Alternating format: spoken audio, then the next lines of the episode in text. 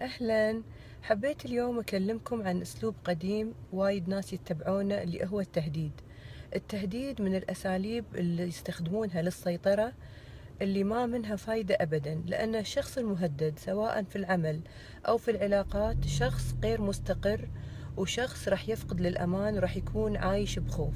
الموظف اللي إحنا دايما نهدده إن نحن نرفده من وظيفته راح يلاقي وظيفة أخرى واستمراره بهالوظيفة ما راح يجيب له أي نتائج إيجابية.